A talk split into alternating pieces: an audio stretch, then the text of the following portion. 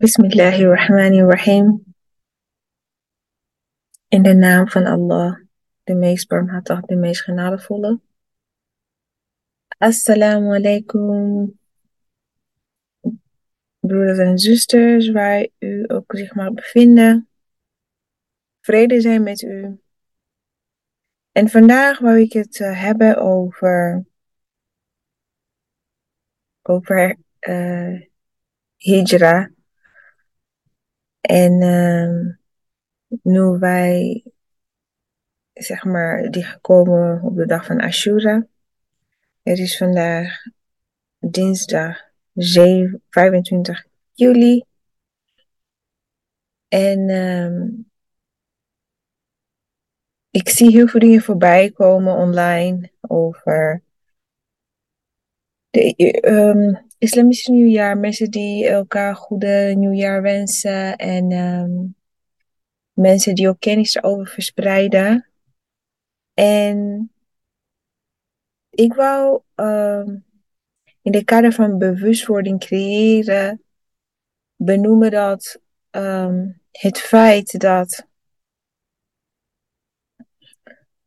uh, onze profeet, zeg maar, moest verhuizen, was gaan verhuizen, heeft ervoor, heeft er, ervoor gezorgd dat er verspreiding van de islam kwam. En dit is uh, een weetje die voor heel veel mensen bekend is. Um, en, maar het raakt me altijd om te beseffen dat, vooral als migrant, als een vluchteling, heb ik mijzelf altijd uh, als minderwaardig gevoeld. Mijn positie in de wereld, mijn positie, de positie van mijn volk en van de mensen die moeten vluchten, is altijd, is niet altijd uh, in goede daglicht. En ik dacht van ja, dat heeft onze profeet ook meegemaakt.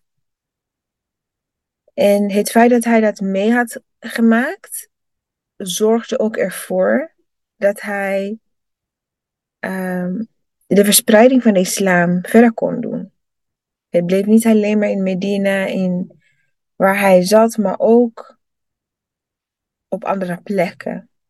En dat vind ik mooi, want ik vind mooi hoe wij um, hoe ik überhaupt de dag van vandaag een podcast kan maken in het Nederlands. Dat vind ik gewoon prachtig. En dat ik de taal spreek, de cultuur hier ken, mensen hier heb, inmiddels familie heb gemaakt, die oer, ja, puur Nederlands zijn, zeg maar. En dat, dat is gewoon een mooi, een mooi feit, een mooi geweten.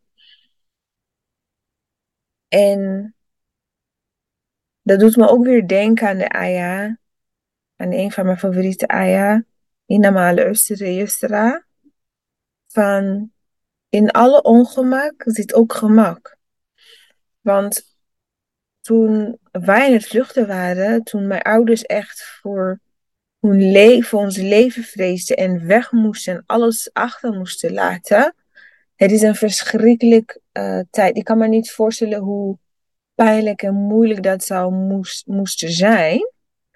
Nu ik zelf moeder ben en kinderen heb. Maar nu besef ik ook van het feit dat zij dat hebben gedaan, heeft ook mooie dingen.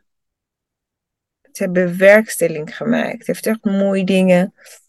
Um, alhamdulillah. Uh, doen maken. We hebben heel veel culturen gezien, heel veel mensen uh, verschillende landen, talen, uh, eten. Um, en dat is gewoon iets om te waarderen en trots op te zijn. Want ik merk um, dat dat ook mij, zeg maar, dat, ook, dat dat ook maakt, zeg maar, dat ik heel makkelijk snel connectie kan maken eh, met mensen, omdat ik zoveel levenservaring heb, zoveel dingen heb meegemaakt, waardoor ik ook veel sneller connectie kan maken met heel veel mensen op verschillende niveaus. En ja, en ik merk ook, zeg maar, het verlangen naar mijn moederland. Ja, dat verlangen is, is bij mijn ouders en bij mijn tantes bijvoorbeeld, oude generatie, veel groter dan bij mij bijvoorbeeld. Maar dat komt ook, ehm, bijvoorbeeld als ik vanuit mijn eigen ervaring mag spreken. Kijk, ehm, ik ben geboren in uh, Burundi. Ik was daar als kind. Het, ja, mijn leven daarom spelen en buiten zijn en lekker vrij zijn. En ik had geen, uh, uh, weinig tot geen verantwoordelijkheden. Dus voor mij zijn de tijden in Burundi eigenlijk geweldig. Ik maakte me nergens zorgen om. Het was fantastisch. En de Jamila van toen heeft die ervaring meegenomen hier naartoe. En dat is de associatie die ik heb met Burundi. De associatie die ik heb met Burundi vanuit mijn jonge leeftijd maakt dat ik dat ik dat gevoel elke keer kan terughalen wanneer ik denk aan Burundi. Terwijl het voor mijn ouders waarschijnlijk heel erg anders was. Of voor mijn tantes, voor mensen die wat ouder waren. Dus dat uh, hebben gezegd uh, te hebben, wil ik jou eigenlijk laten bij die, uh, bij die, ehm, bij die bewustwording.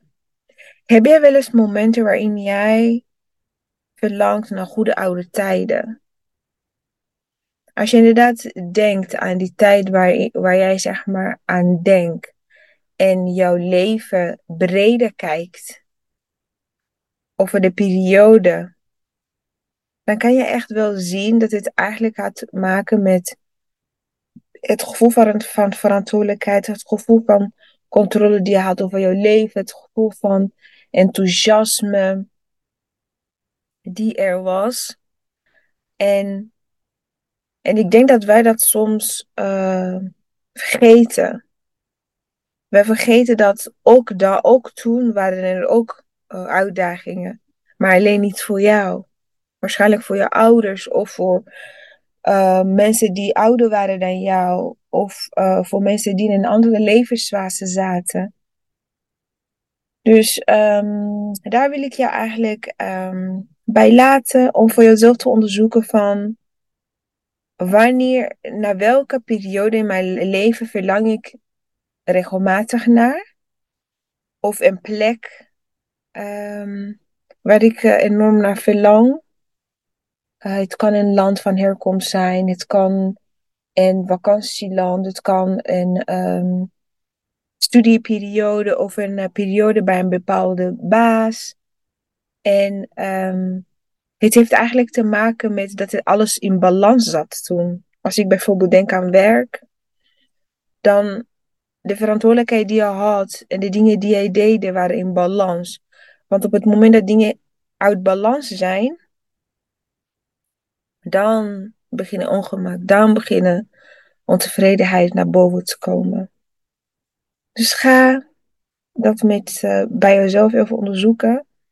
En uh, inshallah tot snel. Fijne dag.